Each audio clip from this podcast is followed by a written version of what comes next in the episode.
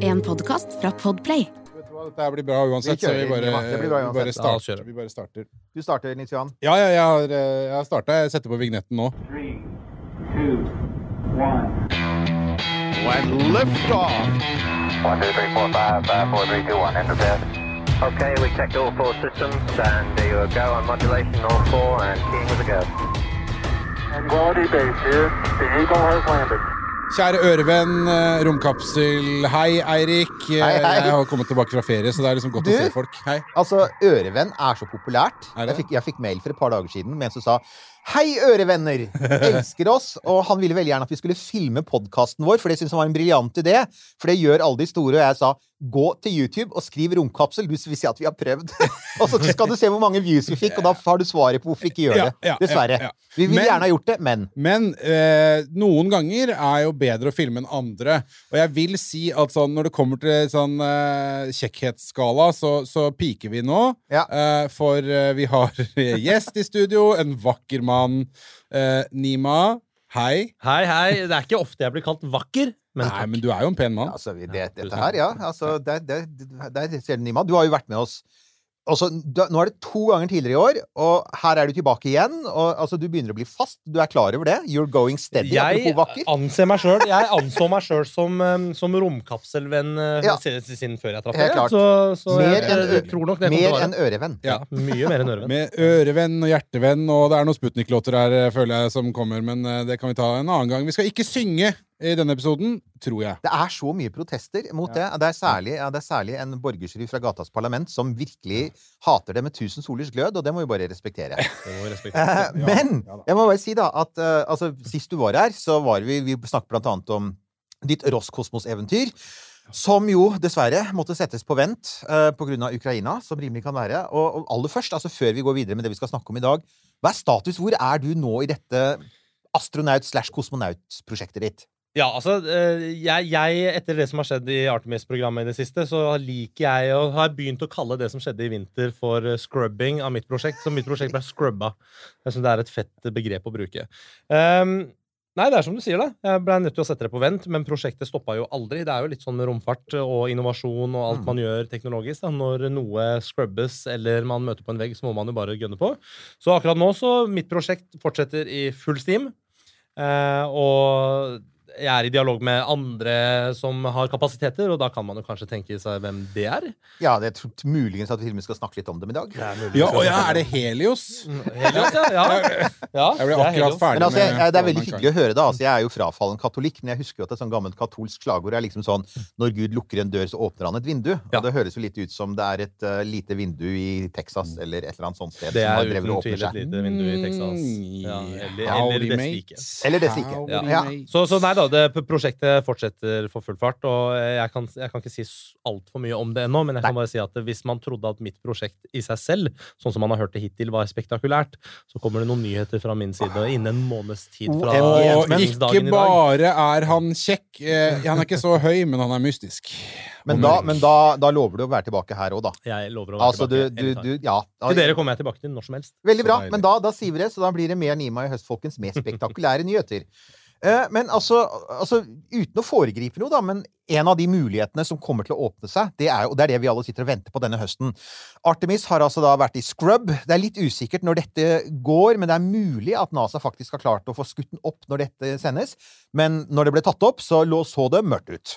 Ja. Og da er det jo det andre sånn store gylne håpet er Starship, Mhm. som testes og testes og testes. Det er helt tydelig at uh, SpaceX de har ikke lyst til å ha en rudd på den første, altså. Det er helt Mhm. tydelig. De tester så grundig, så den der Det vi så i fjor med at liksom Ja, den smeller, det er helt fint. Ja. Nå driver de og uh, tester tankene, rakettene, heiser ting opp og ned, tester disse her chopsticks-greiene sine. Så de, dette ser veldig Det begynner å se lovende ut, og det begynner å se proft ut, og det er jo Starship er jo da selvfølgelig Det åpner jo kanskje en mulighet for deg.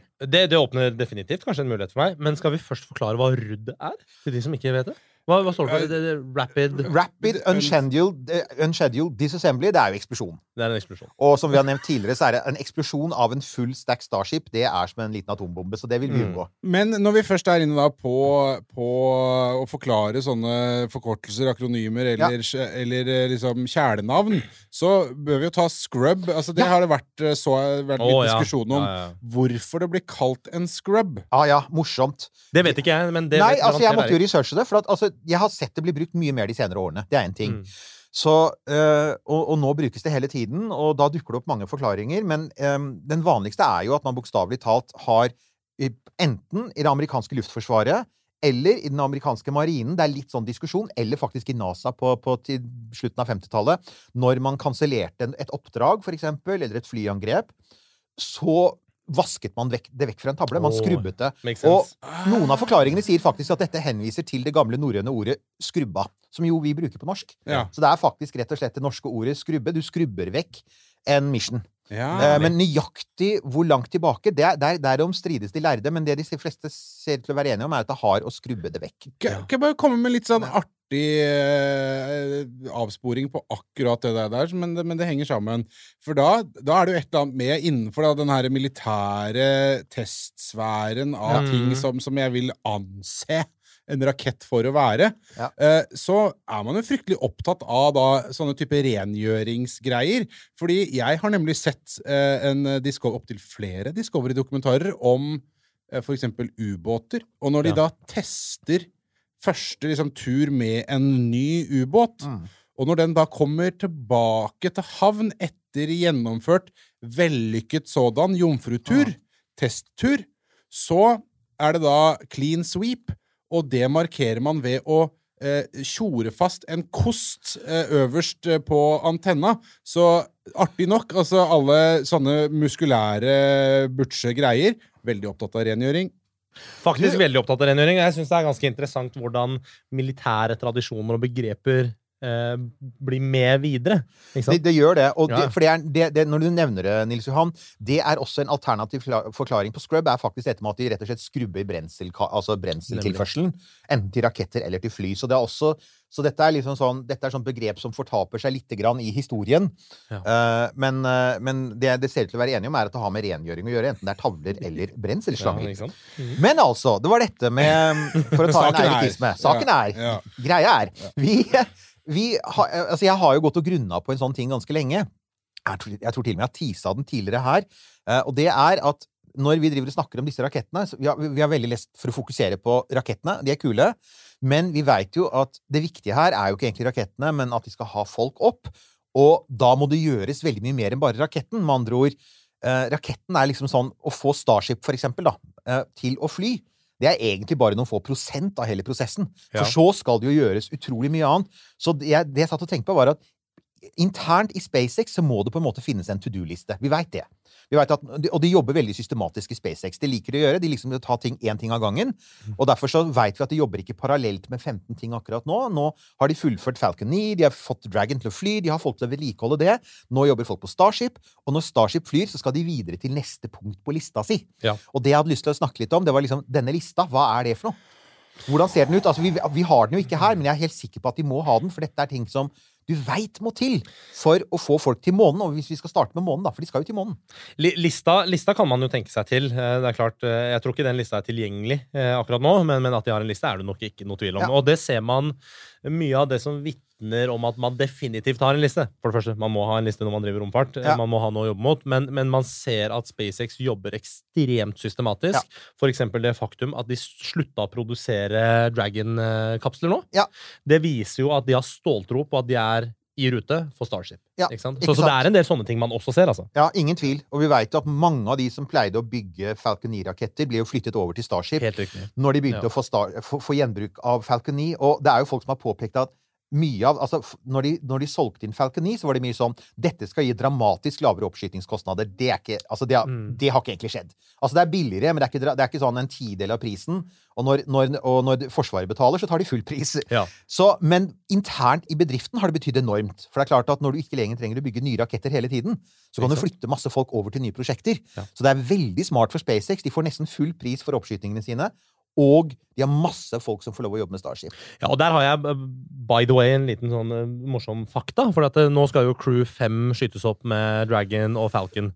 Og den Falcon-raketten, eller boosteren, som de skal skytes opp med, den har jo vært skada. Den hadde en feillanding som fikk en liten skade på seg som måtte evalueres. Akkurat. Så derfor så blei jo den Crew 5-oppskytingen utsatt med to-tre uker, eller hva den blei, så den skytes jo opp om et par uker igjen fra nå. Men det som er litt morsomt her, er at de som vanligvis ville reparert den, de var flytta over til Starship-programmet. Mhm. Så derfor så måtte de flyttes tilbake igjen, og dette tok litt ekstra tid. da. Ikke sant? Så, så alt går på Starship nå, uten tvil. Men vi kan bare, vi kan Ja, bare, altså, vi kan bare fant ikke noen folk. Nei, Vi kan bare starte på kan lista vår. ikke La oss gjøre det. Vi har en del punkter, men altså se hvor langt vi kommer. Mm. Men altså, først, første del her er jo dette, og jeg altså, altså, tenk meg liksom sånn litt tidsramme. Det første er å få Starship opp, Ja. uten folk om bord. Og der snakker jo, nå har Musk sagt at han håper på å få gjort det innen mars 2023. Med andre ord, Mm. de er i prosessen. De må gjøre det, for at det handler om penger, og de skal jo ha, ha opp Starlink-satellittene sine. Absolutt. Versjon 2, og de trenger Starship til det. Så, så klokka tikker, så jeg tror det er rimelig. Kanskje ikke før jul, men i hvert fall i løpet av første halvdel av 2023. Og da handler det jo først om å få opp Starship uten rudd, ikke sant? Ja. Altså, dem- og det er jo interessant, det. det. Ja, den har jo aldri flydd med Super Heavy, boosteren. Nei, ikke sant? Det har den ikke gjort. Den har jo ikke det, og, de, og, og selv de testene vi har sett, har jo aldri vært med full tank. Og Mm. ikke bare det, men de testene vi har sett, de testene vi så i fjor, var jo med gamle versjoner av Raptor-motoren. Så Ja. det er, dette er veldig nytt. Så det er ikke rart de tester som gærne nå, fordi at alt, egentlig så alt som skal opp nå, er nytt. Formen er den samme, men, men ellers er det Alt er nytt, så det er liksom den første steget, er om de i det hele tatt får alle disse her 39 motorene til å tenne som de skal, og Ja, ja. Synke. Ja. Nei, men det er interessant det du sier. Jeg ser fordi- på deg, Nils Johan. Det er, det er langsom risting på hodet her. Ja, men, altså Og jeg skal ikke være negativ, for det må vi ikke være. Nei, vi har fått kritikk for det òg. Synging og negativitet Eh, er ikke nei. Må Nei, men- være realistisk. Det er, det er ambisiøst. La, la meg bare si det sånn. Ja, men alt, alt SpaceX har gjort fram til nå, er ambisiøst. Ja, ja. Og, og de har hatt noen rudder på de eh, lettingene og landingene de har hatt med Starship Mm. alene. Det er veldig viktig å presisere at de, eh, de, de launchene og landingene de har hatt, Mm. har jo vært uten Super Heavy. Det har bare vært selve Starship, Ja. som er da romferga. Og med nesten tom tank. Altså, med og- nesten tom tank. Ja. Stor forskjell på å lande en, en eh, ja, fulltanka, i hvert fall en tung maskin, Mm. med interiør og full pakke, og kanskje til og med mennesker etter hvert, forhåpentligvis, Ja. og en Super Heavy som aldri har flydd med Starship. Så, så at de kommer til å ha noen rudder, det tror jeg nok stor sannsynlighet. Helt klart. Men det, jeg tror de gambler Jeg tror de satser alt på å ikke ha det på første. Ja. For at det ville se så innmari dårlig ut. For at tross alt, dette, dette betaler de for selv. Dette mm. betaler jo ikke NASA for. Um, så så jeg, jeg har faktisk ganske altså Selv om jeg har hørt Musk si sånne ting, jeg har 50% sjanse for eksplosjon, jeg tror de går for en mye lavere Ja. sjanse for eksplosjon på den aller første. De vil ha det underveis, men det er noe med det sånn optikken der. Absolutt. Altså Folk vil da si 'Å ja, da er dere satt flere år tilbake, og så får du penge...' Så, men den andre tingen, da, det er punkt én, er å bare få den opp. Det andre, det er jo varmeflisene. Ja. Og dette er helt ny, det er en ny type varmeflis. Det er vel basert på de som er på romferja, men det er en litt annen type Ja, komposisjon og litt annen tykkelse og vekt og sånn. Ja. Bare kjapt eh, spørsmål for en idiot eh, fra en idiot her. Mm. Altså, eh, når vi er på Starship her, så er det, det er to deler, ikke sant? Når det Ja. er, og su eh, Super Heavy og, og, og boosteren der. De er da tenkt De skal ikke lande som én stack, de skal lande hver for Nei, seg. de skal sant? lande hver for seg. Ja, okay, ja, Og, og, og for det. Super Heavy kommer til Ja. å lande altså Den er basert på noe av det samme prinsippet som Falcon 9, med at den kommer ikke opp i så høy hastighet at den trenger varmefliser for å kunne lande trygt. Så den skal sånn halvveis opp til rommet, og så skal den snu og lande igjen med disse chopstickene. ja, før den er utenfor atmosfæren. Før den er utenfor Ja. atmosfæren. Ja, okay. Ja. Så, og så skal Starship videre, så det er Starship som da kommer opp i banehastighet. Ja. Så når den skal ned, så må du da få til eh, Da må du få til det samme som vel, altså egentlig bare romferja fikk til, sånn noenlunde, og det var disse her gjenbrukbare flisene, som ikke var så gjenbrukbare. Ja. Eh, og, og det man håper på, er for det første disse flisene er tynnere. Eh, de er sekskantede, og de er stort sett De aller fleste flisene har omtrent samme form, så det er mye lettere å bytte dem ut. Ja.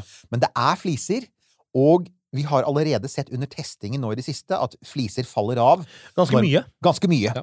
Så de har et problem, for at hvis de mister mange fliser under oppskyting, så kommer jo varmen, når den kommer inn i atmosfæren, til å ete seg gjennom det tynne stålet, og så har du en Og det har vi jo sett være katastrofeutfall for Det er Columbia, eh, ikke sant? shuttle til ja, Ja, så det er Columbia-ulykken var jo nettopp det. Ja, for, og, men for vi, er på, vi er på det samme, ikke sant? At eh, hvis én ryker, så er du fucked. Ja, for da får du varmen inn Ja, i stålet, ikke sant? ikke sant? Ja, og, ikke sant? Og, og, og så sier man jo, men stål tåler høyere temperatur, og det er sant, men altså, Starship har så tynn skrog. Ja, det må du jo ha med den størrelsen der. Ikke sant? Med den størrelsen der. Så, så det, det er ikke mange millimeterne med stål vi snakker om. Så hvis det ryker en flis eller to på, et veldig, på, på litt feil sted Det er sikkert noen som, som på romferja. Romferja mistet jo fliser, men var det på riktig sted, så gikk det bra. Ja. Men hvis det er på den, den delen som virkelig får treffe seg mest varme, så, ja, det så, er, det, så er det toast. Ja, det termiske er, jeg vil jo si det er Mm. ganske viktig på, på tilbake hjemkomsten. Ikke sant? Men, men man har sett de har masse problemer med flisene. Ikke bare under testing, men også under montering. Fliser har jo bare falt av Ja. mens de har montert. Man, man ser jo bilder av, av Starship som står med fliser ene dagen, og så mangler den fire-fem fliser den andre dagen.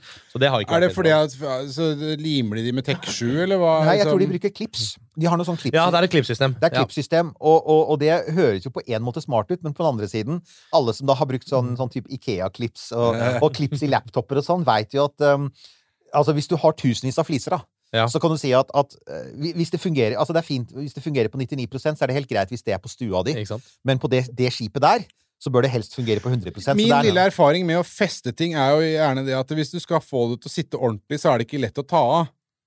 Altså, hvis du skjønner hva jeg mener? At, Ja. du, du, du, altså, skal det sitte ordentlig, så da får du det ikke av igjen. Nei, Absolutt. Og, det, og dette her er jo helt avgjørende. Altså, disse flisene er helt avgjørende for denne gjenbrukbarheten. For det er klart at hvis det er sånn at den underveis mister masse fliser, så må du sette på nye fliser. Så da må den jo da kjøres bort til en robot som skal feste flisene, og så må du sjekke overflaten. Helt riktig.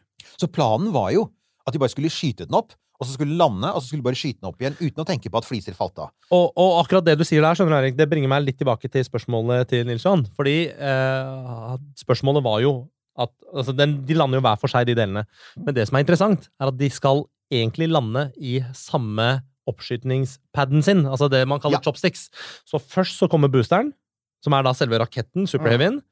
Uh, og den har ute noen finner som på engelsk kalles grid fins. Jeg vet ikke om det er noe ord for det i Norge. De er, altså, de er jo henta ut av gamle sovjetiske missiler, og sånn er den teknologien. Det er styringsfinnene. Uh, og så blir den tatt imot rett under de, og så skyves den til side. Og så kommer Og så selve skal- Starship. uh, okay. Ikke sant? Og tas imot. Så den skal liksom lande tilbake i samme tårnet for at den skal bli stacka på nytt. Da. Altså montert på nytt igjen og klargjort til neste tur. Da. Det er vel det som er planen. Det er det som er planen. Ja. Og sånn rapid reusability er jo helt avgjørende blant annet for å komme seg til Ja, ja, ja. Så hele måneprosjektet deres avhenger jo av det. Eh, så, og hvis dere da tror dere er kommet til liksom bad- og VVS-sendingen Dette er altså Det er romskipsfliser. Ja. Så Men de er litt keramiske også. de er litt, det er det som er det morsomme. Det er litt keramiske. Og så er de og så er de basert på dette altså Man sier at det er en, en, en variant av det du altså De har jo holdt dette hemmelig, og det kan de. Det er jo viktig. De er ikke NASA, de er et privat selskap. De kan holde så mye hemmelig de bare vil, og det skjønner jeg jo, for at de har konkurrenter, ikke minst i Kina.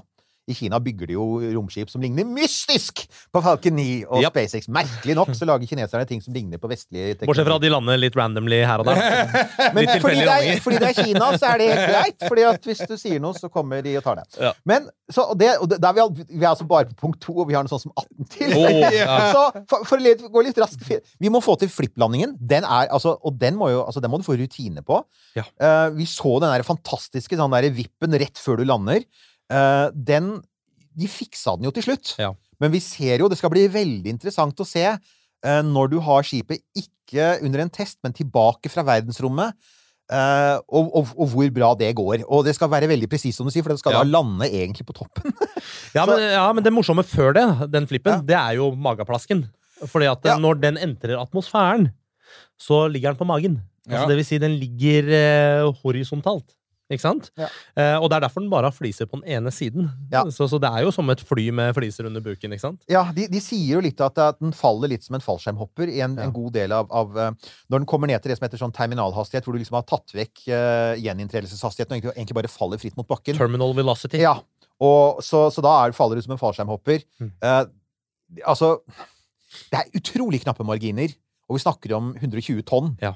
Så å få 120 tonn til å, å, å reagere som det skal, og få motorene til, til å tenne på liksom mikrosekundene Og rette seg opp fra seg opp. mageplask magaplask til Kan vi stupe... bare si en ting? La Det, meg være det blir gøy å se på. La meg være positiv. Uh, det er Ja, veldig er veldig gøy at de har fått det til. Ja, ja. Ish! Ja, vanvittig gøy. Altså, Kjempegøy. For så kommer vi til Dette skal da skje med disse chopsticksene, og dette var jo noe som Elon Musk fant ut. At, at det å ha landingsbein var tungt, og Ja. disse landingsbeina var ustødige, så istedenfor skal du ha disse fangarmene på tårnet. Når du uansett treffer for Du ser jo når de lander med Falcon 9 på den X-en ute på plattformen. Ja. De treffer jo på meteren! Ja, ja. Så du kan like gjerne altså, Så jeg skjønner konseptet.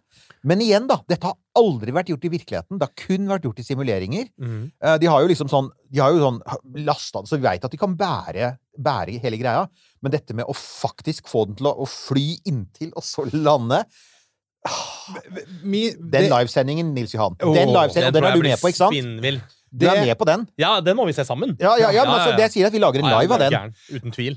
det, det, det, det jeg kommer nærmest av, av ting som jeg føler foregår eh, i dag av, som kan, altså, Det er jo ikke i nærheten av å sammenlignes med denne chopstick-landingen. Det er mye å tenke på det, det er jo helt spinnvilt. Men det nærmeste jeg kan tenke meg, det er et par ting. Det ene er landing av hangarfly, eller eller jagerfly på hangarskip. Ja. Og det andre er sånn refueling. Eh, Mid-air refueling. Mhm. Eh, det, det er liksom det nærmeste jeg kommer. Spinnville ideer, begge to. Ja, Og Som det man har realisert. Det, Det funker. det funker, og du, Ja du har helt rett, det funker. Og, Mm. og, og det er klart det jeg, jeg tror jo dette her kan funke. Jeg bare tenker at det må jo altså faktisk testes. Og, og det, det ligger helt sikkert veldig Du ser at de tester og tester og tester nå. Absolutt. Så de har gått bort fra det derre De hadde jo det der prinsippet før om sånn vi, vi, vi, vi lærer av eksplosjoner, men nå er stakesene mye høyere. Blant annet fordi at hvis du får en rudd på plattformen, da settes de tilbake et halvt år. Ja, Ja, da er jo- Da er, de tilbake til start igjen. Ja, ikke Da er jo chopsticks-tårnet ødelagt, Ja. eh, alt sammen. Ikke altså, sant? Ja. Så, så det, det er en veldig risikabel måte å gjøre det på, men det er en måte som gir enorm gevinst hvis det lykkes, for da kan du få den derre rapid reusability. Sånn lande, klokk, alt står på Du slipper å kjøre Altså sånn som NASA gjør med Artemis nå med denne her Det er veldig Mm. kult å se den utrullingen på denne crawleren fra Vehicle Assembly Building. Fantastisk. ja. Men det er så ineffektivt! Ja, Ja, det, er sånn, det, er som det er jo sneglefart. Og så, hvis det er noe galt, så tar det tre måneder å fikse det. Og det er sånn Ja, for du må rulle den inn igjen nå, ikke sant? Men, Ja. men, men jeg, tror nok, eh, jeg tror nok selve Artemis-scrubben som har vært nå, de to scrubbene som har vært nå, gjør det litt grann lettere for, eh, for SpaceX. Mange ja, har troa på SpaceX nå. At SpaceX er redningen. Ja, for det, var, det, som, altså, det som var litt rart, og det var en sånn merkelig sånn skifte, var jo da altså, Nå har vi brukt mye tid på å le av SLS, og liksom, herregud, dette prosjektet kommer jo aldri Det er jo så svindyrt, jeg har holdt på så lenge, og det blir jo aldri noe av. Og så kommer det, å, nå skal vi skyte opp! Å, shit, hva skjedde? Plutselig så er de i gang, og så Nei. Og ja. Ja, nei, men vi må, ikke, vi må ikke glemme at SLS er ren politikk, mens Jo, jo. Starship det er den praktiske fremtiden. Ikke Ja, ja. sant? ja men det er Og sånn sant. er det og, bare. og SLS er jo designet for ikke å, å skytes opp mer enn altså, det, er, det er som Apollo. De har x antall raketter, Ja, ja, og så skal ja. den aldri fly mer. Men, men, um, men vi kommer tilbake til det, for SLS har noen fortrinn framfor SpaceX. Eh, som vi straks kommer til. For det første, uh, de har faktisk en topp som fungerer. Altså, det Ja. har ikke vært snakket så mye om, men fairingen, altså den derre saken hvor alle satellittene og, og, og nyttelasten skal sitte i, den er ikke ferdig designet ennå. Og her har jo SpaceX et interessant problem. Den er kjempesvær. Mm. Ja. Enormt, den er ni meter i diameter, og den er hva for noe 15, 15 meter høy eller noe sånt nå. Et eller annet sånt, ja. Nei, Enorm, i den hvert fall. gigantisk. Det er et volum på altså 1100 kubikkmeter. Ja, det, er, det er en liten boligblokk. det er som en liten boligblokk. Det er Ja. enormt, altså. Det er som han sier, det er som innsiden av en A380, sier, Ja. sier Elon Musk. Um, men det store volumet Mm. Hvis du ser på konsepttegningen de har lansert, da, så ser det ut som det er tomt. Men Ja. dette er tynt metall, og det er metall som utsettes for enorm belastning gjennom atmosfæren. Så det man er bekymret for, er jo, og det, det vet vi at, at de da, det, det første de skal bruke det til, er jo å sende opp Starlink versjon 2. Ja. Som er mye større og tyngre. De må ha Starship til det, for Starlink versjon 2, som er mye større og tyngre, kan ikke skytes opp med Falcon 9. Eller noe annet. Eller noe annet. Ja, Men, hvordan, som ikke sant, men hvordan i all verden skal du få, altså, hvordan skal du få dem ut av den? Hvis du, du, har sett, du har sett de har åpnet med sånn krokodillemunn, ikke sant? Ja. Uh, hvis du tenker Du er designer. Ja. Hvor er hengslene? Jo, det er ett hengsel på toppen, for det er en rund form. Mm. Og, du, og det er tynt metall. Du ser ikke noen, På disse bildene ser du ikke noen interne stag.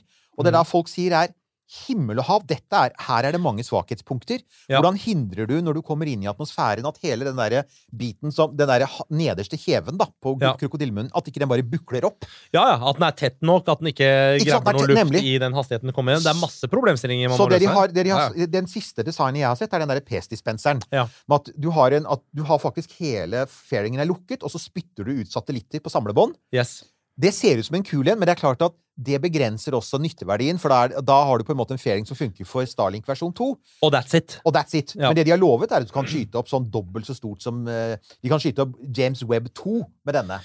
Ja, både James Webb 2, men også så har du jo dette mm, Hva er det de kaller det? Share uh, Rideshare-programmet til SpaceX. Sant? Lover de jo også. Skal? Så, så du kan ikke ha en uniform form på alle satellitter du kan sende opp for kommersielle kunder seinere. Ikke sant? Så og dette her er jo Dette kommer jo også da til å bli veldig viktig når de skal begynne uh, med å sende folk opp. Mm. Er hvor skal luka sitte når Ja. den skal lande vertikalt på månen? Det blir kjempehøyt ned, 35 meter ned til bakken. Ja. Hvor sitter luka? Så dette er noe de jobber med nå. De har jo sluppet noen tegninger, men de tegningene er De der utvendige heisene, det ser ut som sånn industriheis på utsiden. Det som er litt morsomt altså, Når man lander Starship på månen, og seinere forhåpentligvis også Mars, så er det ikke bare mennesker man skal ha ned fra, fra dette lasterommet. Man skal ha rovere, altså biler, Ja. man skal ha kjøretøy, man skal ha uh, habitater som man skal bo i, altså små kapsler som skal stå på måneoverflaten. Det er ganske mye utstyr som skal ned. da. Det er det, og den heisen er jo potensielt en sånn single point of failure. Oh, For hvis, hvis, altså hvis heisen svikter, og vi vet at heiser svikter, og Heismontørenes forening ikke er i nærheten, så er vi der. Da står du i heisen, og det er ikke en heis og du klarer ikke å klatre opp siden på den til luka for å komme deg inn igjen. For å si det sånn. 35 meter opp på en stige på Mars? I Ja, en romdrakt. altså, det du kan uh, satse på, altså som på månen og, og Mars, så uh, Det er jo mulig å utnytte sånn eh, sviktende tyngdekraft der, og så bruke en, en eller annen slags Du- liten heisekran. Du, du kommer, ja, helt klart det kommer til å være lettere å senke ting ned på månen enn med en sjettedels gravitasjon. Men, men igjen, altså, du har, et, du har faktisk en utfordring med at du skal ha en dør som både skal fungere som Altså, skal du ha en luftsluse og en, en, en stor sluse? Ja. Skal du ha en liten og en stor? Ha, hvor mange dører skal du ha? Hvor skal de sitte i forhold til varmeskjoldet? Og så har du tyngdepunktet. For at, den er veldig, altså, Starship er veldig høy og tynn. Ja, Og den- det er den- fem, litt over 50 meter, er den ikke? Ikke sant? Ja. Og den har en base på ni meter. Og de konsepttegningene vi har sett, viser ikke svære bein som, som gir den noe særlig å støtte seg på. Mm. Med andre ord, i den lave gravitasjonen til månen, med det høye og tunge tårnet, Ja. så skal du ikke ha mye før det tipper over. Dette er enkel fysikk, altså. At Ja, ja. Hvis du da tar en tung rover og tar den ut, og så begynner den å heise, ikke sant? Ja. Så kan den tippe over. Ja. 1202. Et godt råd fra Apotek 1. Nå er snart pollensesongen i gang, og et godt råd til deg som sliter med pollenallergi, er å begynne behandlingen i god tid før allergisesongen starter. Da får du nemlig enda bedre effekt av legemidlene, og så blir ikke våren din helt ødelagt. Kom innom og få råd på ditt nærmeste Apotek 1, eller chat med oss på apotek1.no. Apotek 1 vår kunnskap, din trygghet.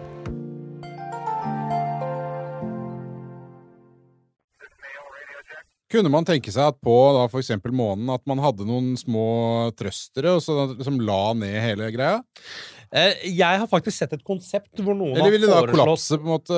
Ja, for det har vært foreslått å legge ned hele greia, men jeg tror også sant, Da har du også en annen single point of eh, failure. da For at, hva, hva skjer hvis du ikke klarer å reise den opp? Ikke sant? Så, så, så I romfarten så ønsker man å redusere Altså, det her er Murphys lov. ikke sant? Ja. Det som kan Ja. gå galt, vil gå galt.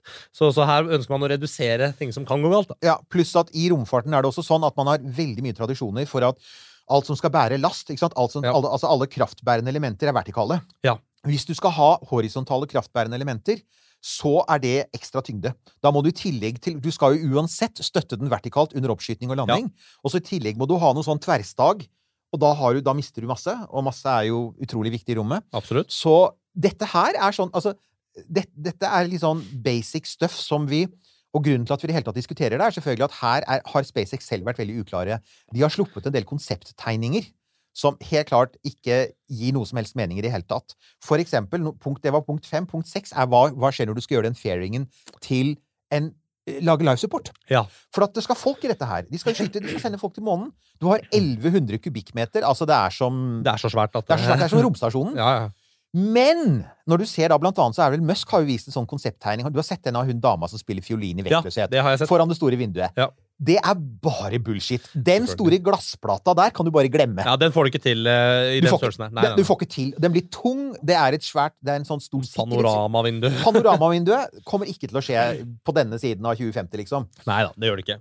Men kunstnerne til Mirosawa må jo kunne se ut. De skal få lov å se ut, men de kommer til å se mye ut gjennom små luker, sånn som man har nå.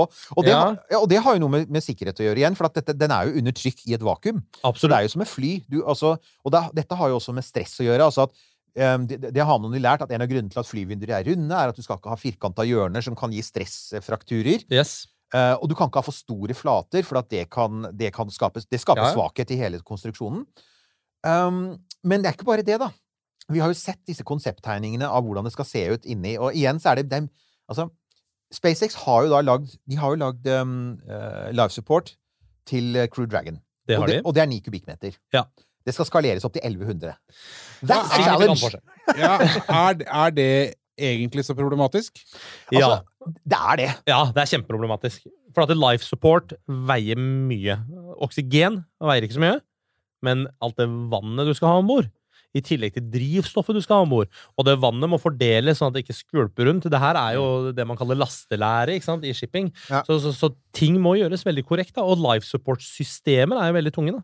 Og det er jo noe av grunnen til at uh, True Dragon uh, Hvor lang leve, selvforsynt levetid har den? da? Er det ikke fem dager maks? Jeg Det, husker ikke. det, det, Fem-seks det kan dager? ikke være veldig lenge oppe, og her skal du være lenge oppe. Husk på Ja. at disse ferdene til månen er jo forventet Altså, Artemis skal jo være borte rundt en måned. Ja, ja. Eh, Så, så NASA har jo bygd life support for å klare, klare en måneds ferd. Um, det, er sånt, det er også sånne ting som da faktisk SpaceX bør gjøre, men bare i veldig mye større skala. Og så har du dette med luftstrømmer. ikke sant? Altså Du skal jo passe på at det er frisk luft gjennom hele systemet. Mm -hmm. uh, og du har også, uh, sånn som du sier, vektfordeling. Uh, og, og, og hvor stor altså, altså rett og slett mannskapskabiner, doer, mat, kjøkken, eh, kanskje en liten sykestue. Det er masse som skal puttes inn i dette digre skipet. Og det vi har sett så langt, er veldig sånn tynt. Så vi har sett disse kule tegningene av sånn fiolinister og folk som spiller sånn ball til 3D-ball og sånn. Ja. Uh, men- Rumpeldunk? Ja. Rumpeldunk. Altså, vi sier ikke at Space rumpeldunk. altså, vi sier ikke at, ikke, at de, de kommer til å få det til, men det står på to do-lista, og poenget er at det er ganske krevende. Så vær, vær for, jeg pleier å si at når Elon Musk blir helt gira på life support, da veit du at du jobber på det. Ja. De. Så akkurat nå jobber ikke SpaceX på det. Nå jobber SpaceX som gale for å bare få det sabla skipet opp og spyttet satellitter. Ja. Og så kommer de til å overføre Når de får det til å funke, så kommer sikkert Jeg, jeg skal banne på at 5000 av de 10 000 som jobber i SpaceX nå, kommer til å jobbe med live support, for det er så viktig. Jeg kan jeg bare si det, det som er gøy med det, da Nå skal jeg være veldig positiv. Uh... Jeg trodde du var det, jeg. ja, ja, jeg er positiv. Dette er jo gøy. Ja, men det som er gøy med hele den uh, Pippi Langstrømpe-innstillingen der, Ja. er jo nettopp det at eh, først må vi gjøre dette, og så må vi gjøre det neste. Og det får vi til! Ja, ja, ja. Ja, ja. Og, men, men, det, men det gjør de også. De altså, gjør de det. får det er ingen som eh, ikke har troa på SpaceX. Alle har troa på ja, ja. SpaceX. Men jeg må også bare skyte inn et lite snev av optimisme her. skjønner du. Fordi når man snakker om life support, det er komplisert, det er tungt, det er, det, det er vanskelig å få til, helt klart. Men hvis man sammenligner med f.eks. Space Station, Mm. ISS, så har den en helt annen type life support. Ikke sant? Den må jo resirkulere vann fra Ja. avføring, eh, fra håndklær som tørker, etc. Disse tingene slipper jo Starship. Starship kan være selvforsynt uten å reprodusere. Så Helt klart. Starship, til, Starship i lav jordbane, som vi er på nå, Ja. og Starship til månen slipper det. Starship til Mars Helt annen ballgame. Helt, helt annen ballgame, og det kommer vi tilbake til i neste episode. Ja. For det er en helt annen situasjon. Yes. Men, eh, så, så, så igjen, dette fikser de, men de må ta en viktig avgjørelse. Nå er vi på punkt åtte på to do-lista, og det er abort-system. Oh. Når dette tas opp, så har altså eh, Blue, han her. Blue, Blue Origin har nettopp hatt Helt en riktig. rudd. Og da så du at det funka. Altså, de, de skjøt opp en eh, kapsel på denne her lille raketten sin. Ja, for noen dager siden, bare. Space. Dildoen eksploderte. Ja. Ja. Oi, gjorde det? Oi, yes, yes, yes. På vei opp. På vei opp. Heldigvis uten folk. Heldigvis Ja. uten folk. Ja. Og som de påpeker, hadde det vært folk om bord, så hadde de overlevd. Men jøss, det hadde vært røft, for at det var ganske mange G. Du, du så det, altså. Ja, ja, det hadde vært ganske bumpy. Jeg lurer på om den var oppe i 9G i ganske mange sekunder, faktisk. Litt brukne ribbein, kanskje. Så, Men- så, men, men de ville overlevd. Det er bedre å ha det ubehagelig enn dø. Ikke Ja. sant? Så, men, men ja da, man så at den, den fungerte. Og her veit vi at uh, godeste Elon er i tenkeboksen. Han Ja. var veldig tydelig i starten med å si at dette skal være like sikkert som et passasjerfly. Ja. Det tror jo ikke jeg NASA kommer til å kjøpe, for at de skal ha human rating.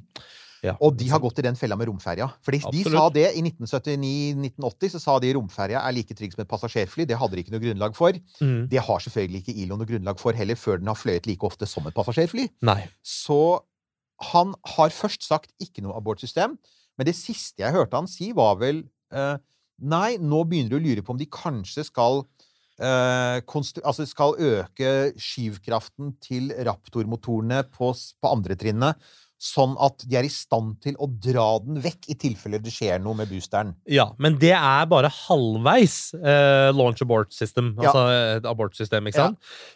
For problemet er jo du har jo masse masse drivstoff, og du har masse som kan gå gærent på selve Starship også. Ja, du har det. Ikke sant? Så, så her Jeg har lest noen veldig interessante artikler om hvordan man skal løse dette her. Og hvis man skal dra til Mars og ha med seg la oss si 30 astronauter da, som Ja, ja. skal være med til Mars, så er det en helt annen ballgame enn å ha med seg f.eks. fire, fem, kanskje seks, til og med ti astronauter.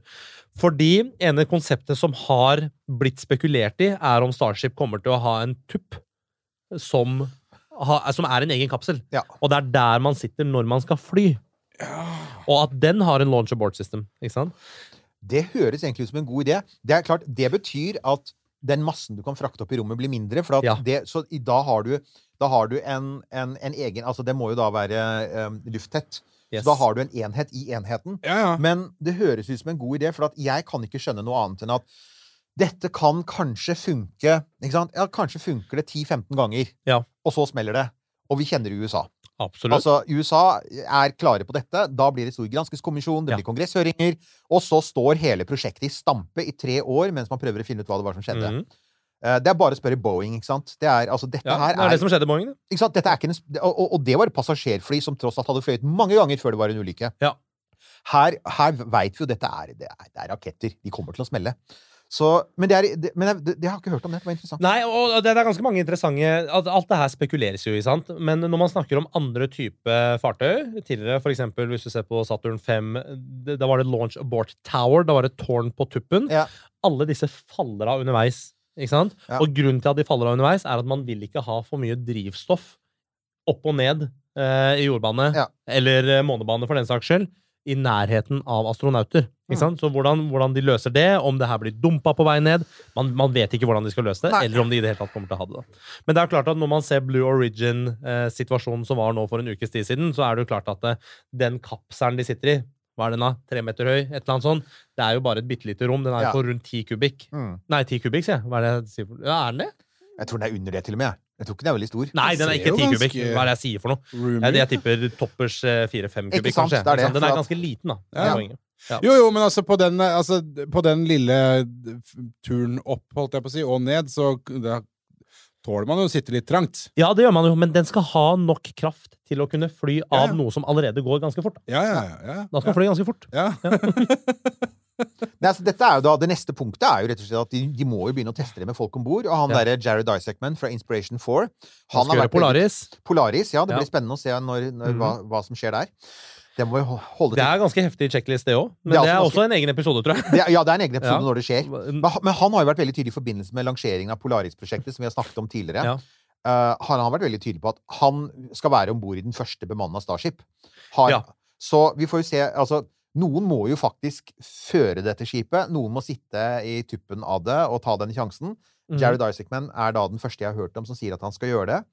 Men Det det er, er- hans oppdrag nummer totalt fire, for han hadde Inspiration 4. Ja. Og så har han Polaris-prosjektet, som er sammensatt av tre oppdrag. Ja. Som er det første med en Crew Dragon, andre med en Crew Dragon, tredje mm, forhåpentligvis da med første bemanna Ja. ferd med Starship. ja eh, Ut ifra den eh, Inspiration 4-dokumentaren så tror jeg at kona hans er supergira på akkurat det. Ja. ja, det tenker jeg også. Håper at barna hans er litt eldre, for å si det sånn. Ja. Uh, det, er punkt, det er punkt ni på lista. Punkt ti er jo da å bruke den erfaringen til å få human rating. Ja. Og det er fordi at altså, i utgangspunktet så kan selvfølgelig altså, Starship kan jo for så vidt sende opp folk med sin egen human rating, men de skal også lande folk på månen. De Ja. har jo fått tre milliarder dollar for å være månelandingsfartøyet, og da skal de gjennom NASAs human rating-system. Mm -hmm. uh, og vi kan være enige om at det ikke alltid har vært like bra, men nå er de ganske strenge, og det er vel altså cirka Altså, du skal, du skal ha én ulykke med dødelig utgang per ca. 300 oppskytinger. Altså, altså tre promilles sjanse for eksplosjoner Ja. under oppskyting er det NASA, er- ser ut til å være NASA sitt krav nå. Det er godkjent, da. Det er godkjent. Det er godkjent, for at alle er klar over at på, på et eller annet tidspunkt kommer folk til å dø om bord i et romskip. Det er livsfarlig. Det er livsfarlig, Ja. men det er sånn å, å, å gjøre risikoen så lav som mulig. Eh, det er et ganske strengt krav. Ja. Og, og da må jo altså Må de da ha 300 oppskytninger? Nei, det er nemlig det. For Neida. eksempel, for eksempel eh, Artemis er allerede human-rated og har ikke hatt den oppskytingen ennå. Nei. Nei. Så- Igjen politikk. Det er politikk. Ja. Men, det er også, men det er ikke bare politikk, for det er klart at det finnes flere måter å human-rate det på, og NASA eh, sier at det er også lov til å for eksempel da delteste.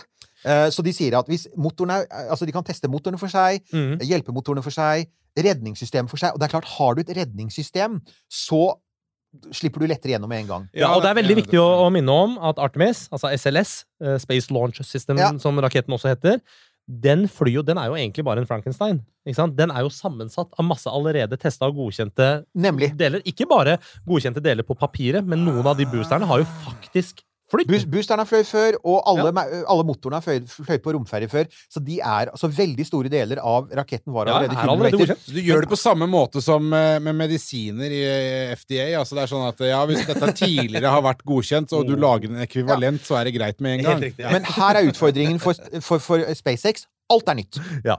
Motorene, Raptor-motorene, tankene, Mm. eh, styringssystemene, softwaren, uh, live support, konseptet. Alt Ja, er nytt. Alt er nytt. Eh, Helt ned til landingssystemet, som også faktisk må human-rates. Altså, chopsticks må jo da demonstreres være Alt. trygt for folk. Ja. Alt må testes. Alt må demonstreres. Og det gjør at når folk sier ja, det, altså når folk tror at det er en sånn Det er kort vei, og da er det vi Ja. sier at her er det lang vei. Fordi i motsetning til da NASA, som har sin eget Som jo selvfølgelig også hjelper sine egne, men de har masse erfaring med dette. Uh, og det skal bli veldig spennende å se hvordan Hva slags krav som kommer til å bli stilt til SpaceX for å få eh, Starship human-rated. Om de da for eksempel må ha x antall ferder. Ja. Eller om man kan ta av delteste og si at så lenge raptorene fungerer bra Men igjen, altså, uten abortsystem så tror jeg dette blir vanskelig. Det kan bli vanskelig. Og så har jeg lyst til å bare kommentere dette med masse erfaring. NASA har jo masse masse erfaring. Det- vet jo alle. Ja. Og, og SpaceX har ikke så mye erfaring. De har noe erfaring, men ikke så mye erfaring. Det som er fordelen med at SpaceX ikke har erfaring, er at de tør å tenke helt annerledes. De tør å Ja. tenke radikalt nytt. Og for mye erfaring kan også bli litt farlig. NASA blei litt slappe, vil jeg si. Litt Ja, ja, sånn ja. løssluppende under eh, romfergeprogrammet. ikke Ingen tvil. De blei litt cocky, rett og slett. Mm. Ting hadde gått så mye bra, og ja, litt sånn cowboytendenser. Og det, det har jo ikke SpaceX, for de har ikke råd til det. Det har de ikke råd til. Men i, til gjengjeld så er de da i en situasjon hvor det er veldig mye som du sier som er nytt. Så for eksempel um, Og hvor, de, hvor ting forandrer seg hele tiden. Ja. Eh, Et problem til de er nødt til å løse, og det jobber de med nå, det er hva skal bli den permanente basen for oppskyting? Ja. Det blir ikke Boca Chica, det blir en testbase, det vet vi nå, for den miljøgodkjennelsen de fikk, er Ja. veldig begrensende. De sier at det skal være Cape, og de sier at de har tillatelse til å skyte opp der. Det har de. Men om de har tillatelse til å skyte opp så ofte som de, som, som de tror nå, Helt annet spørsmål. er et helt annet spørsmål. Ja, ja, ja. Og, det, og det har å gjøre med at Det de kommer lenger ned i løypa. det gjør det, men poenget er jo at NASA bruker jo den samme Altså de bruker jo det samme anlegget til å, blant annet til å skyte opp Crew Dragon. Og det er veldig mye oppskytinger fra Cape nå. Det er det. Langt flere enn det man ser, ikke sant? Og det er dessuten altså vi, igjen, vi har vært inne på det før. Starship er i en helt annen kategori. Ja. Dobbelt så stor som Saturn 5. Gigantisk støyproblem. Mm. Uh, og hvis man da eksempel skal skyte opp sånn 20 raketter i løpet av noen dager for å komme seg til månen, så kan jeg si at jeg, da tror jeg det blir klager fra, Ja. fra, fra naboene. Ja, det tror jeg. For at? Så- Da kan de som bor i nærheten av Gardermoen, bare klage. Ja, klage. Så det, det er en ting. Og så har du en sånn annen ting som, er, som, som er, man ofte ikke tenker på. Sånn kjedelige ting som brennstoffleveranse. Oh, Ikke sant? De skal ja. levere, altså Starship krever En Starship-oppskyting krevende sånn sånt som 4600 Mm. tonn med flytende oksygen og metan. Og så, ja, ja, det høres jo greit ut. Altså, Romferja krevde 730 tonn med flytende hydrogen og oksygen. Ja. Um, altså, SLS krever ca. halvparten av det som Starship krever. Og hvis du skal da igjen til månen, hvor du kanskje trenger ti tankinger før du flyr av gårde, så er det kanskje 40 000 tonn med flytende kryogenisk, altså superkjølt drivstoff, som skal fraktes til Cape i løpet av ganske få dager. Ja. Og, og der sier folk Har man tenkt på det? Altså, du kan ikke bare kjøre tankbiler. Det, er, altså, det vil jo være tankbiler helt ned til Miami, ikke sant? Ja, ja, ja. Er det, det tog? Er det rør? Skal de kjøre Mhm. på lektere? Dette er også sånn, det er sånn, sånn kjedelig, praktisk problem som blir spennende å se hvordan de løser. Ja, absolutt. Og det er også noe som eh, ikke diskuteres så mye. Jeg ser ganske mye av de fanforaene som er, så diskuterer man ikke så mye drivstoff. Men det er jo det som er så typisk for sånne type ting. ikke sant? Det er sånn usexy, ikke sant? Hva er det Ja, ja. Hva er det man sier for noe? Man sier at altså, det, altså, eh, amatørene diskuterer strategi, mens eh, proffene diskuterer logistikk. Ja, ja. Og så leste jeg, jeg leste faktisk en annen artikkel i går kveld om, eh, om man i det hele tatt har noen som kan produsere så mye drivstoff med Ja. den hyppigheten som Star, Starship har planer om å Altså, fly med i fremtiden. Kan noen levere sånn 40 000 liter med superkjølt oksygen Om og metan på noen få dager? ikke sant? ja, ja. Og her må det, altså, det man tror, er vel at det må bygges en egen fabrikk. Ja. Men da må den også prosjekteres og bestilles, og husk på at de skal lande på månen helst i løpet av tre år. Yes. Så, og er det jeg tenker, vent nå litt, da bør vel den fabrikken snart være Det- Tror du det kommer til å skje? At de lander om tre år? På, på måneden om tre år? Nei. Nei. Jeg tror den tidslinja ryker. Jeg tror den ryker med, jeg tror den ryker med det dobbelte. Jeg tror, jeg tror også det samme. Ja. For da, så, og så er det selvfølgelig så må det fylles på, og igjen rask uh, rapid reusability, 4600 tonn i løpet av en time, sier Elon Musk. Ja. Nja, vi Ja, får se.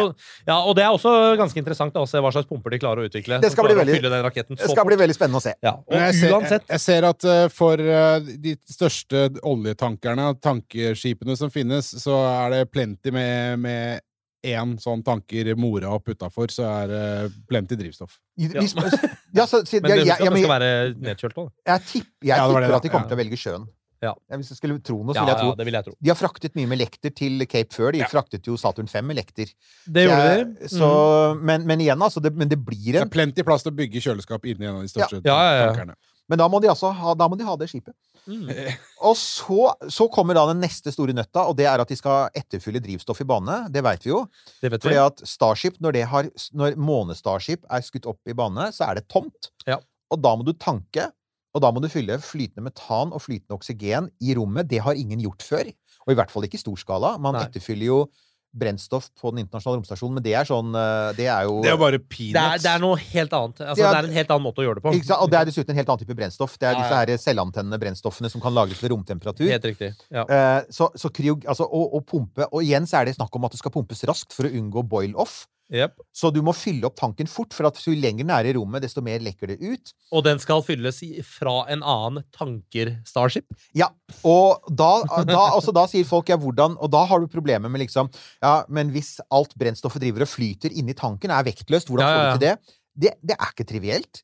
Eh, jeg ser at de har forandret designet på de tankskipene flere ganger ifølge tegningene sine. Så det er helt tydelig at, at også SpaceX er i tenkeboksen. Dette har de fått penger til. Jeg tror de har fått 90 millioner dollar fra NASA Mm. for å utvikle dette. Men ennå så er det jo ikke altså, De kan jo ikke gjøre en ting før de nummer én har Starship i bane, og nummer to har bygd tankskipet. Ja. Og dessuten har den infrastrukturen vi snakket om på bakken, med, med alle disse tingene vi nettopp snakket om. Så det er så mye som altså, liksom, Alt henger sammen med alt. Så du kan jo ikke teste ut tanking i bane eller gjøre tanking i bane uten Ja. at alt er ja. Altså, Dette her blir Nei, spennende. det er kjempespennende. Det er kjempespennende. Men jeg gleder meg til å se tankskip-varianten av, eh, av Starship. Den blir grisetøff. Jeg, jeg gjør også det, men Men jo mer vi snakker her, jo lengre, jo, jo lengre tid tar det. Og så er det selvfølgelig denne, denne helt grunnleggende ting vi har vært inne på. Starship er høy og tynn. Det er en, oh, ja. det en blyant av en rakett. Det er det. Og det gjør jo Og man tenker ikke på det, men se på Apollo. Apollo er flat og brei. Apollo kunne faktisk lande på et skråplan og kunne skytes opp fra et skråplan. Det kan ikke Starship. Nei. Så, Starship, så, så designet på Starship setter noen grenser for hva man kan få til. Og du må ha landingsbein, og jeg veit at Elon Musk hater landingsbein, men han får ikke bygd chopsticks på månen ennå. Nei. Men det er, det, er, det er snakk om å gjøre i altså, Ja, ja, en eller annen gang. Ja, ja. jo Er det det? Men, men, men oi, vi får ikke det. Og, og da får du sånn der, så, så, da, så da har du det, dette punktet med at du må finne riktig sted å lande. Som er, det er mye nøyere enn for, um, enn for Apollo. Ja, absolutt. Og du må være veldig trygg på at, at ikke det er noen sånne steder hvor du kan synke nedi, eller sånt for du skal ikke tippe mye før. Nei, du skal lande ganske rett. Og det, man ser jo hvor mye de sliter med å lande mm, disse boosterne på droneskipene. ikke sant? Ja. Og de, de har de klart å mestre, men det er med svære svære landingsbein. Altså. Altså, de er ikke noe små, de landingsbeina. Hvis du ser et bilde, hvis du googler et bilde av de landingsbeina, står mennesker ved siden av det, det, altså, de er Ja, jeg- enorme. Jeg har, jeg har jo vært utenfor SpaceX hovedkvarter i Los Angeles og sett dem. Ja. De er gigantiske! Ja, ja. Det er nesten Altså, ikke å tro. og dette Det blir mye ser jo så smått ut. Ikke Ja, sant? helt til så, du er der. så når du Ja. ser den der konsepttegningen av Lune Starship med sånne korte, tjukke bein under, glem det. De kommer til å ha store landingsbein, Yes. uansett hva Elon sier, om landingsbein, fordi NASA vil også kreve det for å unngå Månen Her har er jeg- ujevn. Her har jeg et eh, forslag, faktisk. Å. 1202. Ungsamtalen fra DNB er økonomisk veiledning tilpasset deg som er ung. Bokk en ungsamtale på dnb.no. ung. Ok, det var jo en syk døll måte å forklare ungsamtalen på, da. En smart prat om penga mine, ville jeg sagt. Ikke sånn kjedelig økonomisprat, skjønner du. Istedenfor landingsbein så har du fire sånne harpuner med vaier som du skyter Og ut. Forankeren. Og så forankrer du, så har du jo Altså, Norge har jo lang erfaring med sånne Å, å holde båter på ett sted, ikke sant? Ja. Eh, I sjøen.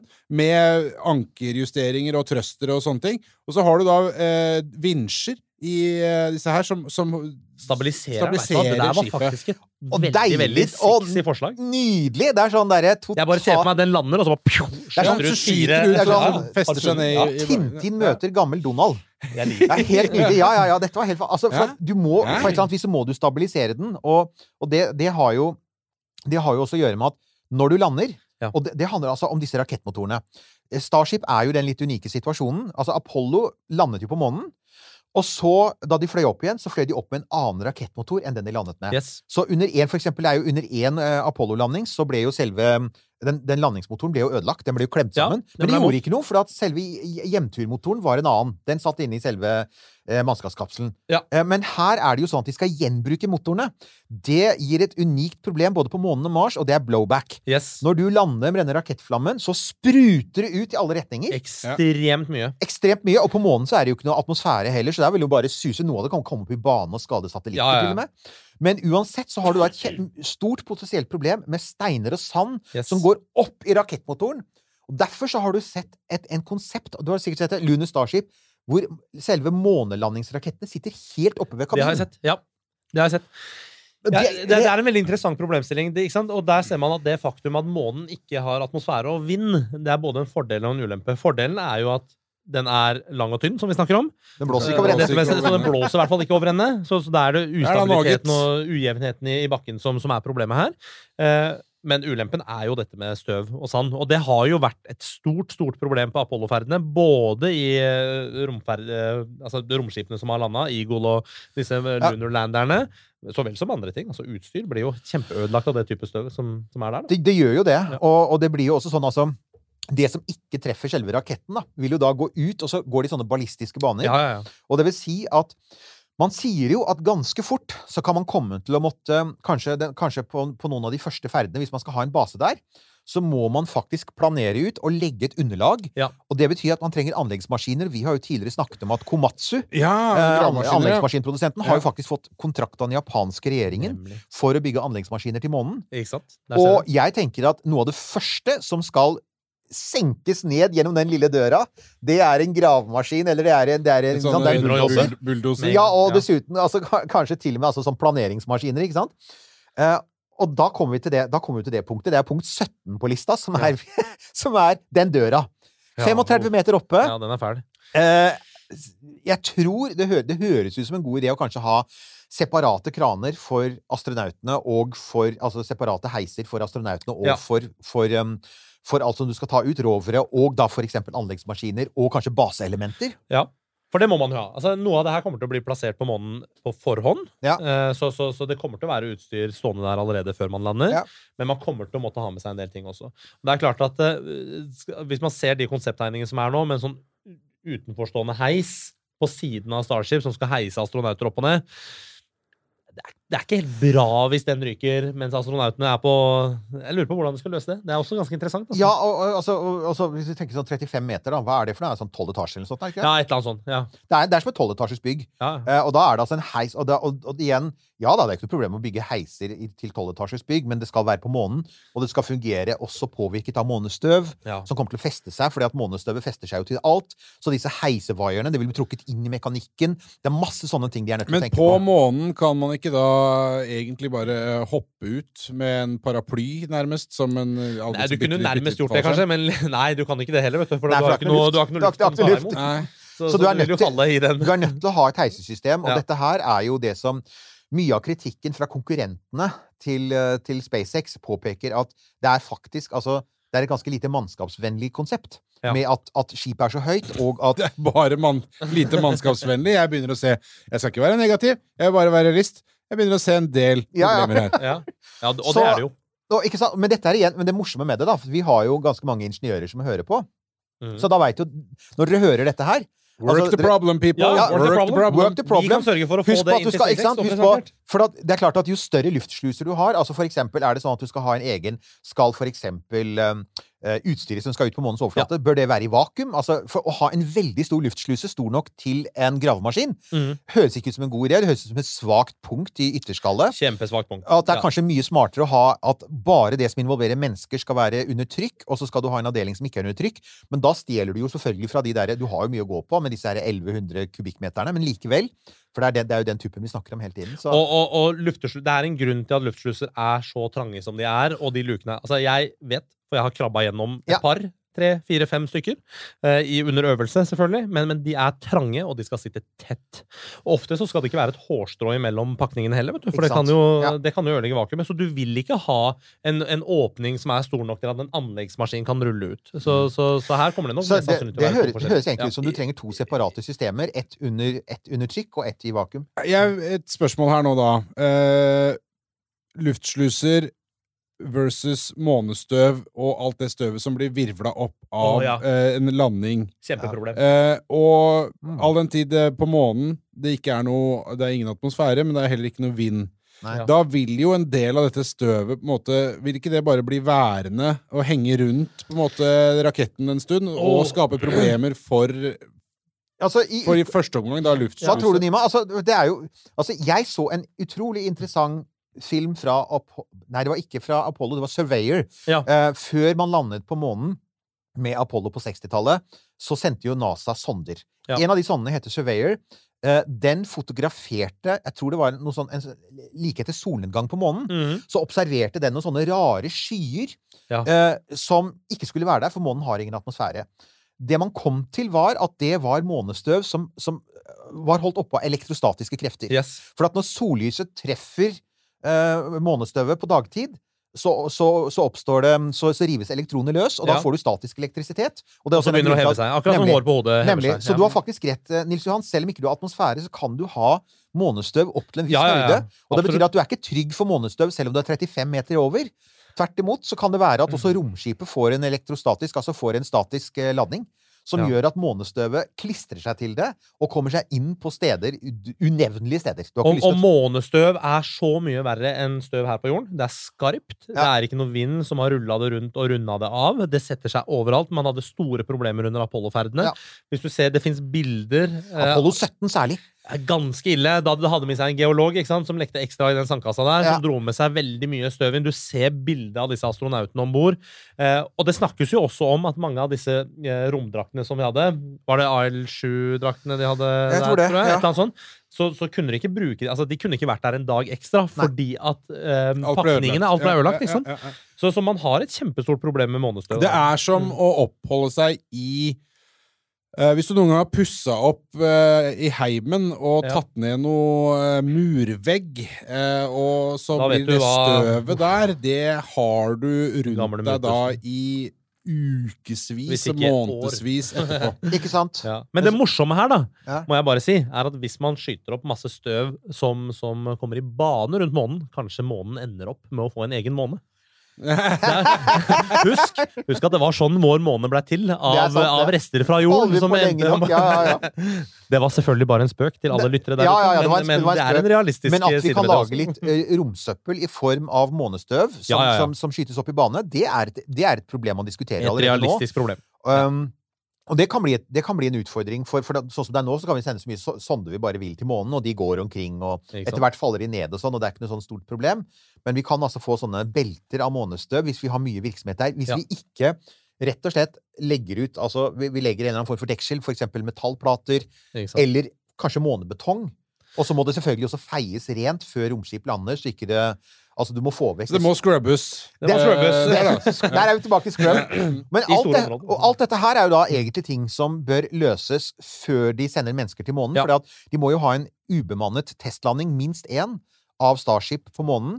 Med alt fungerende, inklusive eh, live support og den Ja. heisekrana. Absolutt. Alt må testes fra jorden. Og så kan man putte mannskap om bord. Så det er, det er først nå vi kommer til den siste delen her, som er Ja. de der punktene som trengs. Altså, ok, når alt dette er gjort, gjort da, Mm. Hva trenger du for å gå på månen? Vel, du trenger blant annet en romdrakt. Det er absolutt. Og det er punkt 18, og nå vet vi at NASA ikke skal gjøre det. Nei. Det er to private firmaer som skal gjøre det nå. Det er det, og NASA har kasta bort Ikke kasta bort, det vil jeg ikke si, for at mye av den lærdommen den brukes jo i dag. Det er den XEMU-en som NASA har utvikla. De har sprengt budsjettet med en liten smule med penger. Får vi minne om her at du har jo snakket om romdrakt i en tidligere episode. Ja, ja, ja, Ja. ja. Da, da var vi jo dypt inne i, i XE-Moon også. Og Har, de, har de scrubba den? Den Nei, det er ingen som har sagt at de har scrubba den. Jeg har i hvert fall ikke lest det noe sted at de har scrubba den, men parallelt med at de har sprengt budsjetter Altså Når vi sier sprengt budsjetter, så snakker vi jo ikke om eh, noen tusenlapper eller 100 000 kroner eller noe. dollar Vi snakker er om milliarder av dollar. ja, ikke ja, ja. Så, så de har jo sprengt budsjettet vanvittig, og de har jo ikke en, en ferdig, klar romdrakt ennå. Nei. Så det de har gjort nå, da, for at Artemis-programmet ikke skal bli forsinka enda mer, så har de da hyra inn to eh, private selskap. Kommersielle Louis selskaper. Vuitton og Fjellreven. Åh, ja, jeg tror den Louis Vuitton blir ganske fet. Det blir fet. Men det er, det er litt um, Og da veit vi altså at Nå snakker jo faktisk eh, SpaceX har snakket om at i forbindelse med Polaris-prosjektet Ja. så har de tenkt å teste ut en EVA-suit, altså at du skal gå utenfor romskipet. Det sier også Jared Isaacman. Yes. Men det store spørsmålet er selvfølgelig om ikke det bare er flight-suiten som er litt modifisert. Ja, det, det har jeg litt innsyn i. Det er en, okay. det er en litt modifisert flightsuit. Ja. Uh, man må også si at jeg syns det er dødskult at de gjør det. Superrisikabelt. Jeg er litt usikker på om de kommer til å velge å gjøre det, selv om de snakker om det nå. Mm. Fordi at det betyr at de må Altså, jeg vet ikke hva ordet er på norsk. Depressurize. Ja, de må ta ut trykket på hele Ta ut trykket på hele kapselen. Hvilket betyr at det sitter tre andre astronauter inni kapselen uten trykk, med romdrakta på. Og så Ja. skal en person ut uten en romdrakt som kan bøye ledd og sånn, og bare sveve som en seigmann, og så inn igjen. Ja. Og så må man klare å få trykket tilbake. Ikke sant? Og dette blir, da, dette blir jo da faktisk som, som, som altså Voskod og Gemini på 60-tallet. Helt riktig. Ja. For da, da gjorde man det samme. ja. at Så det er en gjorde- demonstrasjon, egentlig. Det er egentlig det. Så dette Ja. her er, vi er tilbake til 60-tallet. Vi har ikke, de har ikke noen egen luftsluse. Mm. Uh, og... Har det noe for seg, da? Det er nok, Jeg tror nok det der handler om at Jared Isaacman, uh, som nå begynner å bli en pioner, spesielt hvis han klarer å gjennomføre Polaris-prosjektet, uh, så tror jeg nok det handler om å bare ta tittelen og ha gjennomført den første Ja. kommersielle spacewalken, som faktisk er den jeg trente til i Russland. Var jo nettopp den første Ja. kommersielle spacewalken. Men da var det snakk om å gjøre en jobb, sant? Ja, ja. I dette tilfellet så er det en ren og du skulle da bruke denne hva er det? det er ikke, Orland. Orland ja. skulle. Du skulle bruke en profesjonell romvandrerdrakt. Ja. Eh, nei, altså, så det er jo mer av et stunt, og det store spørsmålet er jo, selv om altså Når du tenker på, når vi har gått gjennom denne lista, hvor mye hvor mange praktiske problemer SpaceX skal løse, Mm. eh, inklusive, opp til inklusive heisen og, og, og dassen på dette romskipet. Og, Og så i tillegg skal de bygge en romdrakt. Jeg tror de ender opp med å, å bare rett og slett bruke de som NASA sier. Her er de de vi har godkjent. Det er dette som skal brukes til månelandingen. Så det slipper de å tenke på. Det tror jeg òg. Men jeg tror også at de investerer i å eksempel modde en flightsuit, sånn Ja. at Jared kan gjøre eh, oppdraget sitt. Fordi at Ja. SpaceX er også totalt avhengig av de kommersielle programmene som foregår. Ikke sant? Så, så det at Maizawa, MZ, som han heter Jeg hadde tenkt å ta med hans forrige mission badge til dere, for jeg har noen av de originale. faktisk. Veldig det må jeg huske på neste gang. Jeg hadde lagt de fram til og med. Men, eh, men, eh, og han var jo på romstasjonen nå i desember. eh, Og det er klart at hans Dear Moon Project vil jo også være Det, det er jo superviktig for SpaceX å få kommersielle aktører til å være med og betale for testing. For alt Ja. det her er også Ja, fordi testing. sant? Maizawa har vel allerede gitt en god slump med penger. Ja, han har jo delbetalt de, eh, store deler kronene. av ferden. Ja, absolutt. Så han har jo kjøpt den første Circumlunar Mission, som det heter. Nei. Nei, altså, da har vi det altså sånn Før du på en måte Når du skal, uh, når du skal begynne å snakke om landing på månen, da, Mm. så er det jo også sånn at, som vi har vært inne på flere ganger nå, uh, SpaceX er i ferd med å bygge opp sitt eget private astronautkorps. Ja. De kommer til å trenge treningsfasiliteter til det, og de kommer til å trenge månetreningsfasiliteter. Absolutt. Uh, så dette her er um, Og det er jo igjen altså, Det bør jo ikke være så stort som det er i Houston eller i, i Stjernebyen, men i, i, i Moskva, er det vel? Ja. Eh, men det kommer til å måtte være ganske omfattende, for de skal jo da, som du sier, fly vår venn uh, Yusaku. Han, altså, Dare Moon har han betalt for, i Ja. hvert fall delvis. Det har han. Så, han, så de skal rundt månen, og det er ikke NASA. Så de må ha sitt eget private måneastronautkorps. Eh, Så, så dette er jo også to punkter som skal gjennomføres, og som er, som er krevende. Og, Veldig, og som er en litt annen type tenkning, for at de har vært veldig fokusert på liksom rakettmotorer og masse ingeniører. Ja. Men når du skal over på astronauttrening, så er det jo leger, psykologer Massevis. Og Massevis, det? Det nå annen- Nima blir mystisk og mørk igjen, vet du. Ja, ja, jeg er klar over det. skal ikke være med Dear Moon, bare så det er sagt. Så, så, så hvis noen spekulerer i det Og, og, og jeg prøver heller ikke bevisst å være mystisk. Jo, jeg gjør kanskje Jo da, det. vi gjør Ja, ja. grann, og det er lov. det. Men jeg gleder meg skikkelig til å dele det. ja, du må ikke, ikke ødelegge myten her nå. Det, Og så er det sånn to sånne små punkter helt til slutt. Og det ene er jo selvfølgelig at alt dette skal jo da være eh, Når de skal til månen, som jo opprinnelig ikke var planen, de skulle jo rett til Mars, Ja. så, eh, så skal jo de, de må integreres med Artemis. Ja. Så da må jo altså faktisk Starships design Um, må jo da uh, være tilpasset uh, Artemis, uh, Gateway eventuelt. De skal ha baseelementer på månen. Mhm. Dette er jo ting som de snakker mye om. Eh, og, og, og disse her Det, det er jo snakk om å ha Blant annet de europeerne skal ha en sånn egen lander. Så alt dette må de jo faktisk tilpasse seg. Så, og det ser vi foreløpig, så er det klart at de har ikke kommet så langt i det. Ja. Men vi kommer til å se mye mer av det i årene framover. er jo SpaceX-folk som er sammen med NASA-folk. Trener sammen, tester ut ting sammen. fordi at det skal være Det er ikke Elon som skal til månen. Han har faktisk påtatt seg et oppdrag for NASA. Ja. Og det er NASA som oppdragsgiver og NASA som betaler. Så det blir også spennende å se. De kommer til å jobbe mye tettere sammen. Veldig. Altså, man får jo vondt i huet av å tenke på den integrasjonen som skal gjøres her. Da. Og til de som ikke vet, så er jo Gateway da den nye romstasjonen som skal gå i bane rundt månen. Det regner jeg med at de fleste av lytterne her kanskje Ja da, vi har snakket jeg om det. Vi har sagt, til har snakket om stygge det. ting om Så bra. Ja, ikke sant? Ja, men det, det, altså, bare det, det NASA selv har jo slitt med intern integrasjon ikke sant, av den. Ja. Så det blir spennende å se hvordan SpaceX klarer å koble seg på da. Ja, Men? SpaceX har jo bevist at de kan jobbe fort Ja og tøft. Ikke sant? Og, og det, altså, når, hvis de bygger Gateway, så kommer de til å få den absurde situasjonen at um, du har lille Gateway, og så har du gigantiske Starship Ja, som er kobla til. Og det er sånn det er litt som å se en sånn, hva er det remora, sånn sugefisk som fester seg på undersiden av en hai. Og da er det ikke NASA som har haien, det er den digre Space Starship som har haien. Og så har du liksom lille motsatt. Gateway, Ja, ja. som for øvrig må være uokkupert mesteparten av tiden, for det er så mye stråling der ute. Ja. Så, så vet Men altså, da er vi på månen. Og det tok 21 punkter. ja, Og da- det her er kortversjonen Og dette er kortversjonen. Ja. Men som dere sikkert skjønner, altså, vi tror jo alt dette går. Men Ja. grunnen, til at jeg, jeg synes grunnen til at det er litt viktig å si det, er for at av og til så får du, i hvert fall inntil nylig, så har det vært veldig sånn sær, oss, ikke minst fra SpaceX. Dette er like før. Vi er ganske nær. Og Ja. jeg tror vi bare kan si er at alt dette er mulig, men det tar tid. Det tar tid, og hvert av de punktene vi har vært gjennom, har en million underpunkter igjen. Nemlig. Og hvert av de millionene underpunktene har sikkert en million underpunkter der òg. Så for de som spør ja, men hvorfor bare drar vi ikke tilbake til månen, nei, det er ikke så lett å bare dra tilbake til månen. Og på 60-tallet, da vi gjorde det, så var kravene litt annet. Man var, villig, man var mye mer risikovillig for å vinne det kappløpet. Det er Ja, man ikke lenger nå. Akkurat det poenget der er utrolig viktig. Jo mer jeg leser om Apollo, desto mer sjokkert blir jeg jo faktisk Ja, det over er galskap. Altså Bare for å ta en sånn, sånn, sånn liten ting. Da Apollo 8 dro til månen i 1968, det har vi jo en egen sending om, Mm. så var jo det første gang NASA hadde sendt noe rundt månen som Ja. var bygd for mennesker. De, altså de hadde jo planer om å sende noe ubemanna rundt månen, men det, det, det gjorde de aldri. Nei, for de hadde jo ikke økonomi til det. De hadde jo, ikke sant? Så det var, og det hasta jo, for Ja. på grunn av tidsfristen. Så, så det, ja, det, den sjanse, sånne sjanser kommer vi ikke til å ta denne gangen, og det er, det er en bra ting. Man tok helt andre sjanser før. Ja. Nils Johan, Nei, altså Space is hard, og folkens, work the problem. Hvis det er noen som har noen gode ideer, så sender dere en liten lapp til Nima, så skal han kanalisere det videre i, i sine kanaler til de som trenger hjelp og gode ideer til både landingsbein eh, og eh, em, landingsplattformer på månen, blant annet. Så der er det litt å plukke med da, til helga. ja, Ja, Sånn. bare å si ifra. Skal vi få det inn der. Oh, det var en lang liste med punkter for å fort gjort komme seg til månen. Ja, Erik? og etter hvert så skal vi til Mars, skal vi ikke det, Nima? Jo, det skal vi. Jeg gleder meg. Forhåpentligvis ikke en like lang liste, for da har vi mesteparten har vi gjort på månen allerede. Ja, Men litt komplisert liste, det òg, da. Nei, det er ting å gjøre der òg. er. Vi puster litt grann før vi stikker til Mars, da.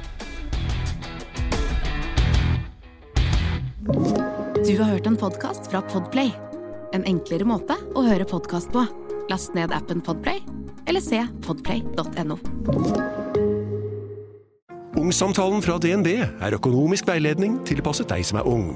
Bukk en ungsamtale på dnb.no. ung. Ok, det var jo en syk døll måte å forklare ungsamtalen på, da. En smart prat om penga mine, ville jeg sagt. Ikke sånn kjedelig økonomisprat, skjønner du.